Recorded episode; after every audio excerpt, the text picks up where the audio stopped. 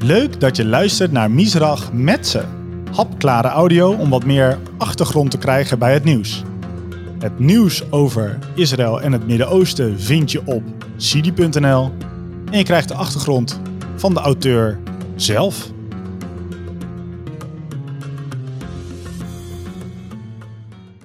Ik ben Aaron Vrieler en vandaag gaan we het niet hebben over de veroordeling van de man achter het haataccount Lodewijk Dijkstra of over de vijf Israëli's die collaboreerden met een Iraanse spion. De artikelen daarover kun je teruglezen op sidi.nl. Maar het thema wat we vandaag gaan uitdiepen is QAnon. En dat klinkt ongeveer zo.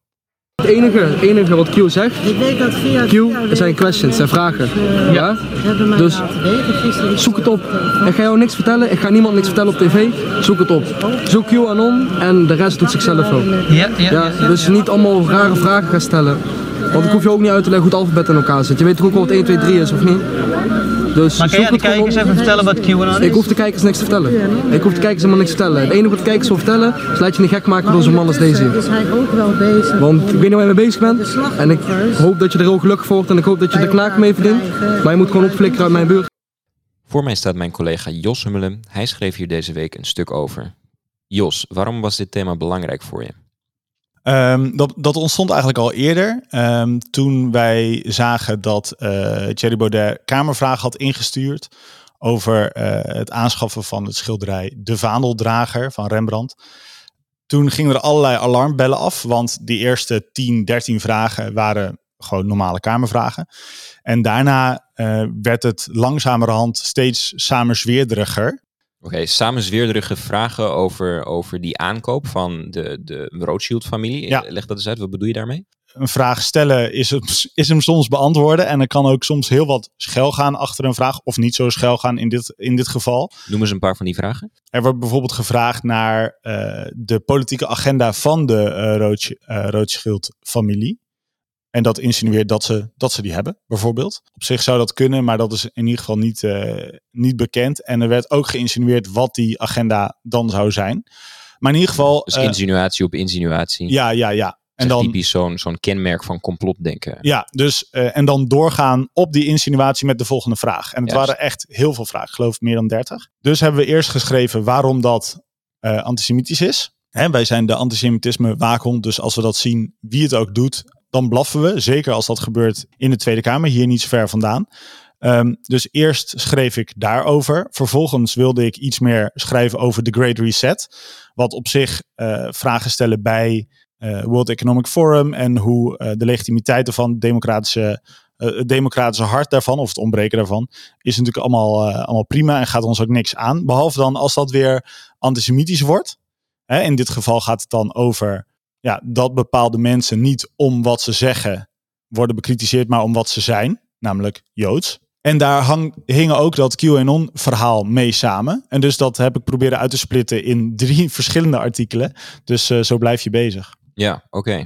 Want ehm, wij, wij herkennen dat dus als eh, antisemitisme, die, die samenzweerderige, zoals jij het noemt, eh, vragen die eh, gesteld zijn. Hoe, hoe zit dat precies? Want eh, ja, wij weten natuurlijk, jij en ik, dat als we de term antisemitisme gebruiken, dat dat door sommige mensen wel eens heel, ja, dat, dat sommige mensen er heel gepikeerd over kunnen raken. Nu is het, nu ja, ontmaskeren wij gewoon antisemitisme, dat is, dat is onze taak, maar dat moeten we wel zorgvuldig doen.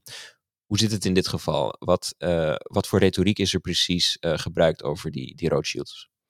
Ja, ik denk dat je antisemitisme niet te snel moet gebruiken, anders devalueert de term. Je moet wel echt zorgen dat dat, eh, dat, dat, er, eh, dat, dat duidelijk is. Hè? Anders ehm, ja, dan zeggen mensen gewoon, ja, jullie zeggen altijd bij alles wat je niet uitkomt dat het antisemitisme is. En eh, dat, dat moet je voorkomen. Ja, dat, dat samenzweerderige, en we gaan het dus ook zo meteen over QAnon hebben, dat is, dat is namelijk één grote samenzwering eh, waar heel veel joden achter zitten. Dat, dat samenzweerderige, kijk, als er een samenzwering is, dan eh, kun je dat benoemen. Hè? Dat kan maar zo gebeuren. Ja. Eh, die, die, er is altijd een kans. De kans is vaak heel klein. We kunnen nog niet eens een fatsoenlijke regering Ja, vormen. ja. Laat, zien, laat staan een wereldregering. Ja, ja. Maar zodra de Joden dan blijkbaar aan de touwtjes trekken op de achtergrond, gaan er bij ons alarmbellen af. En als dat steeds maar zo blijkt te zijn. En dat heb ik ook geprobeerd te reconstrueren in dat artikel, lees het vooral, dan moet je, moet je constateren dat eh, QAnon te groot is om erover te zwijgen. En te antisemitisch is om er als CD over te zwijgen. Want eh, dat, dat komt er langzaam in. Zo zien we het ook nu langzaam in de Kamer komen. En eh, ja, dat slaat gewoon aan. En da- dan, dan wordt iets groot. Als een politicus dat doet, dan heeft dat natuurlijk een normerend effect. Absoluut. Dan ja, dan wordt het mainstream. Dan Ja. kan je misschien per definitie wel zeggen dat het mainstream is gemaakt. Hey, eventjes terug, jouw verhaal dat doet me denken aan een uitzending eh, van het programma Wintergasten. Vind ik een mooi programma waar eh, eh, interessante gasten uitgebreid worden geïnterviewd. Eentje daarvan, dat was eh Yuval Noah Harari. Ah. De, de bekende Israëlische historicus van zijn boeken Sapiens en Homo Deus. En ehm, hij had het daarin over samenzweringen. En waarom het eh, geloof in samenzweringen ja, misschien iets heel menselijks is. Want we zien het altijd weer, eh, ook, ook vandaag de dag. Eh, maar eigenlijk ook heel onlogisch.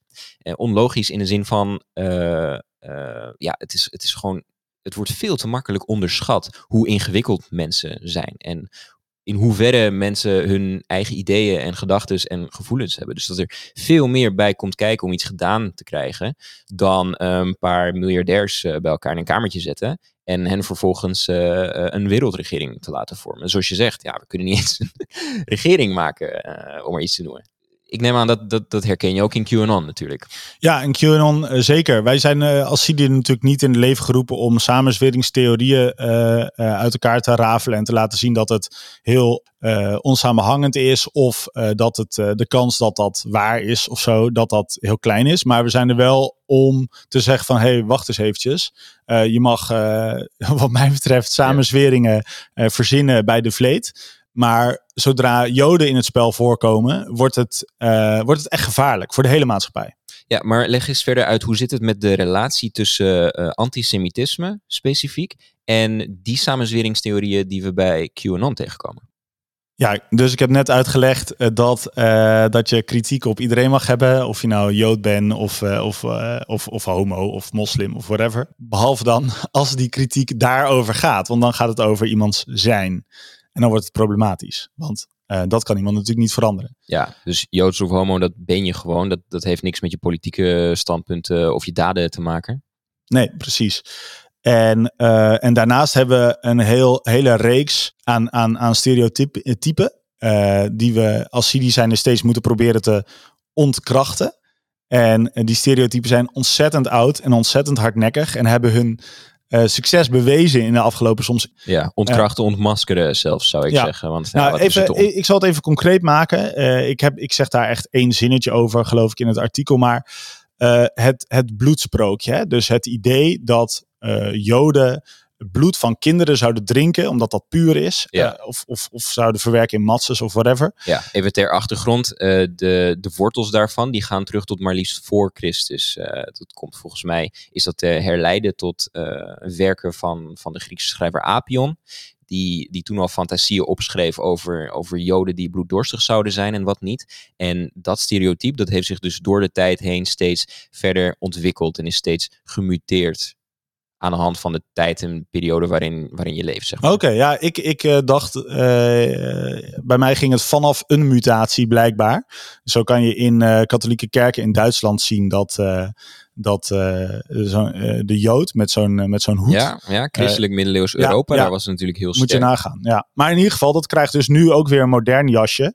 Doordat ze zeggen dat wereldleiders kinderen verkrachten, misbruiken, omdat ze zo puur zijn. En dat het hele complot, hè, wat jou, Aaron en mij eronder wil krijgen, is daarom te doen. En Joden spelen daarin een eh, centrale rol. In de vorm van eh, George Soros, die familie waar we het net de hele tijd over hebben, waarvan ik de Hij naam wordt ook in verband gebracht bij QAnon met dat soort bloedsprookjes. Zeker sterker nog, Soros, eh, als wij hierover twitteren, dan krijgen we hier de meeste tractie op. Waar je, waar je niet vrolijk van wordt trouwens. En we hebben ook wel eens bellers die zeggen van ja, maar waarom verdedigen jullie Soros? Eh, hij was eh, een nazi.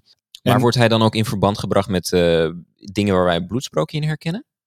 Want dit is nu even een ander stereotype waar je het over hebt. Dus ze lopen allemaal door elkaar. Dat is de ellende. Dus mijn vraag is, eh, in hoeverre wordt, wordt ook die link met, met het jodendom, wordt dat expliciet gemaakt door aanhangers van QAnon. Ik neem aan, je hebt, eh, je hebt een kijkje genomen in, in die groepen, in die Telegram groepen. En ik weet niet wat voor websites. eh, gaan ze nu niet in detail noemen. Nee, graag niet. Ja, wij hebben eh, natuurlijk gekeken naar hoe dat in Amerika gaat. En, maar dat is minder relevant voor ons. Dus we hebben ook gekeken naar hoe dat in Nederland gaat. Het woord Jood komt heel veel voor in die Telegram groepen. Mhm. En soms proberen ze dat te vervangen met synoniemen. Bijvoorbeeld sionist. Of ze gebruiken een echo. Dat zijn drie haakjes. En alles wat tussen die drie haakjes staat, betekent eigenlijk Jood. Ja, dus het Lees is gewoon Jood. codetaal, maar desalniettemin best duidelijke codetaal qua wat het betekent. En het slaat aan. Want blijkbaar hebben mensen, die- sommige mensen diep in zich, zoiets van: oh, als het een, als het een Jood is, dan zal het wel inderdaad spannend zijn en, en negatief. Oké. Ja. Hey Jos, eh, jij hebt je hier nu in eh, verdiept. Eh, maar wat, wat moet de gewone Nederlander, zeg maar? hoe groot is QAnon hier? QAnon, ehm, Wat, wat moeten wij hier tegen doen? ik, het is moeilijk natuurlijk te, te, te in te schatten hoe groot het is. Maar goed, doordat je. Hè, Sigrid Kaag werd belaagd met een fakkel voor haar huis. Mijn inschatting is dat dat iemand is die in ieder geval delen van de QAnon-theorieën. Ja, want het is in, inmiddels een eh, verzamelterm voor van alles geworden. Ja, die zat echt in die complotwereld. Ja, 100%. Maar ook degene die daarvoor al, eh, eh, of dat groepje wat Pieter Omtzigt eh, belaagde, Ja. hier vlakbij eh, voor het gebouw van de Tweede Kamer. Het oude Tweede Kamergebouw moet je inmiddels zeggen. Het is er en het, is, het was heel groot voordat eh, Trump eh, de macht eh, niet vrijwillig overdroeg aan Biden. Mhm. Eh, Trump werd gezien als de messias die de mensheid moest verlossen van, die, ehm, van dat grote complot. Eh, kan het natuurlijk nog steeds. Hè? Zijn kans zijn niet eh, verkeken in 2024. Eh, maar daardoor werd het wel wat kleiner. Alleen die pandemie die maakt het wel weer groter. Ja, leg dat eens uit.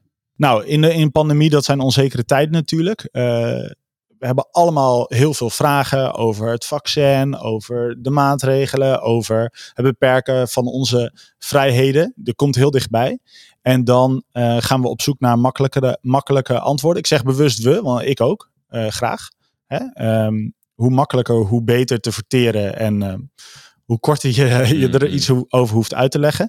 Nogmaals, daarover zeg ik ook weer niks. Hè. Wij, eh, CIDI, hebben niks eh, van doen met de coronamaatregelen. Ehm, maar in zo'n onzekere tijd eh, worden Joden weer, als ik dat even oneerbiedig mag zeggen, uit de hoge hoed getoverd. En dan eh, hebben zij het gedaan. Ze hebben of het vaccin eh, ontworpen, of Hebben we op een of andere manier baat bij? nou ja, Dat je kunt het zo gek niet verzinnen. En daarbij speelt ook nog eens dat Israël steeds een paar maanden voorloopt. En dat, dat wantrouwen mensen ook. Hey, maar als ik je zo goed begrijp, dan eh, zie je eigenlijk eh, heel weinig verschil qua ideeënwereld tussen het Amerikaanse QAnon, waar QAnon natuurlijk vandaan komt, en wat in, Nederlanders, in Nederland inmiddels ook een hoop aanhangers heeft. Ja, dus de, dat, dat, dat is correct. Eh, Clinton, Hillary is dat dan. En Obama spelen een belangrijke rol in Amerika. In Nederland worden die hoofdfiguren gewoon vervangen in de Nederlandse context. Dus dat zal Hugo de Jonge zijn. binnenkort waarschijnlijk dan vervangen door, door Kuipers. En, en, en Mark Rutte. Eh nou, om zich blijkbaar ook, omdat het dezelfde partij is als Hugo de Jonge. Eh, maar ook het Koningshuis bijvoorbeeld. Hè? Dus het krijgt echt een hele, een hele vervelende oranje tint. Mm, mm. Want het Koningshuis zou ook betrokken zijn bij dit grote complot. En Ja. dus nogmaals, het zijn niet alleen maar Joden. Maar die spelen zeker een belangrijke rol. Ja. En eigenlijk een, een rol wat het aan elkaar lijmt. Ja, dus we hebben echt te maken met een Nederlandse mutatie, als het ware, van dat QAnon-gedoe.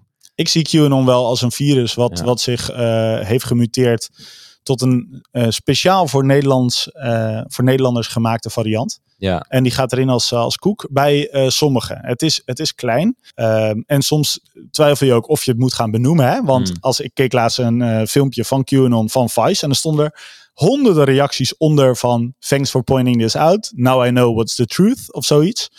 en dan van denk die je... QAnon-trolls. bedoel Ja, zeker. Ja, er zitten allemaal trollen onder. Ja, dan heeft YouTube nog werk te doen met het, het schoonhouden van hun platform. Ja, ja, ja, ja, dat is nog weer een andere discussie, wat, eh, wat het ook weer ingewikkeld maakt. Maar volgens mij is het te groot, ook daarom begon ik met die Kamervragen, om het eh, helemaal links te laten liggen. Hey Jos, ik vind ehm zulk wijdverbreid geloof in samenzweringstheorieën eigenlijk eh, best wel zorgwekkend. Want samenzweringstheorieën die berusten op een, op een cirkelredenering. Mensen die daar diep in geloven, die kan je niet met argumenten van het tegenovergestelde overtuigen. Namelijk dat er geen samenzweringstheorie zou zijn. Eh, mensen die daarin geloven, die, die zien eigenlijk altijd wel bevestiging eh, in dat geloof. En aan de andere kant, eh, mensen die geloven in een samenzweringstheorie, ja, tegenwoordig geloven ze niet, niet zomaar dat de maan niet bestaat of dat de aarde plat is of zoiets. Nee, ze geloven dat de hele regering illegitiem is en uit is op een staatsgreep en dergelijke. En als ja, een, zulk geloof, dat kan vroeg of laat eh, heel radicale, heel extremistische eh, daden rechtvaardigen. Dus dan, dan zal het niet lang blijven natuurlijk bij eh, gewoon retoriek. Eh, deel jij die analyse met mij? Ja, absoluut. En, en dat is ook precies waarom ik dit stuk eh, wilde schrijven. Ja. Ehm, Zo'n man die belt en, en mij vertelt dat Soros eigenlijk hulde met de nazi's. Die kun Ja. je vertellen dat Soros toen het einde van de oorlog eh, eh, nabij kwam 14 jaar oud was. Dus dat was een hele vroege SS'er, zou ik willen stellen. Als dat al zo zou zijn. Ja, en nou ja, hij was Joods, dus hij deed dat met gevaar eh, voor eigen leven. Ja, hij, werd, gedwongen. hij werd gedwongen, dus het is nog, nog eh, sneuwer eigenlijk. En, cynisch ook. En waartoe werd hij gedwongen? Nou, eh, niet om, eh, nou ja, goed, dat, daar kun je in duiken en daar kun je blijkbaar iets inlezen wat je zelf erin wil lezen. Heeft dus ook helemaal geen zin om dat tegen te spreken. Maar daarvoor is dit artikel ook niet geschreven. Het is niet geschreven voor de mensen die al gewoon een heilig en standvastig geloof hebben in deze eh, verschillende theorieën en hoe die op elkaar inhaken. Het is juist geschreven voor de mensen die eh, die met deze mensen in gesprek gaan of kunnen. Want als je met zo iemand in gesprek bent, en dat hebben, daarom begonnen we ook met dat geluidsfragment, dan, dan kun je niet goed een ingang vinden, omdat je het ook gewoon niet begrijpt. Ja. Dus je kunt niet iets omverhalen als je er niks van weet. En wat mij betreft eh, halen ze heel Q omver, want het is gewoon toxisch. Maar dat is mijn rol niet bij Sidi. En Mijn rol is wel om te benadrukken wat antisemitisch is en waarom dat eh, bestreden moet worden. Hey, maar tenslotte, Jos, eh, jij bent daar dus ingedoken en eh, je hebt ons nu uitgelegd waarom, waarom we hier helaas toch aan eh, herinnerd moeten worden. Dank daarvoor. Bij het schrijven van dat artikel, heb je misschien eh, ideeën gekregen hoe jij eh, de nieuwe minister zou aanraden om die vraag te beantwoorden? Hoe moeten we hier nou mee omgaan, wetende dat mensen hier nu eenmaal in geloven dat je ja, niet met een druk op de knop eh, een QAnon buiten de deur kunt houden? Nou, ik hoop dat onze luisteraar eh, deze vraag hoort en denkt: zo, dat is inderdaad verrekte lastig. Want daar, we moeten ook wat geduld hebben voor de mensen die dit soort vragen voor hun kiezen krijgen. Het is gewoon echt niet makkelijk.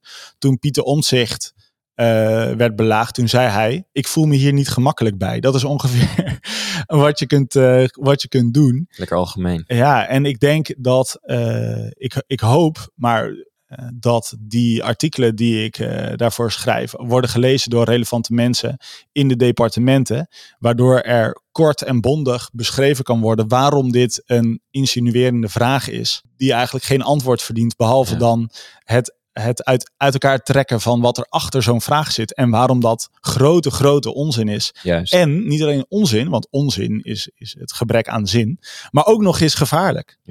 Dus jij zegt beestje bij de naam noemen. Dit zijn onzinvragen, insinuatie op insinuatie. Verder niet te veel aandacht aan besteden. Ja, dat eh, verder niet te veel aandacht aan besteden vind ik een hele blijven. moeilijke. Want als je kort blijft, dan zeggen ze, ah, eh, hier zit wat achter. Weet je wel, daar word je alleen maar wantrouwig van. En dat wantrouwen, ja, dat is de oorzaak van dit alles. Jos Hummelen, dankjewel. Graag gedaan.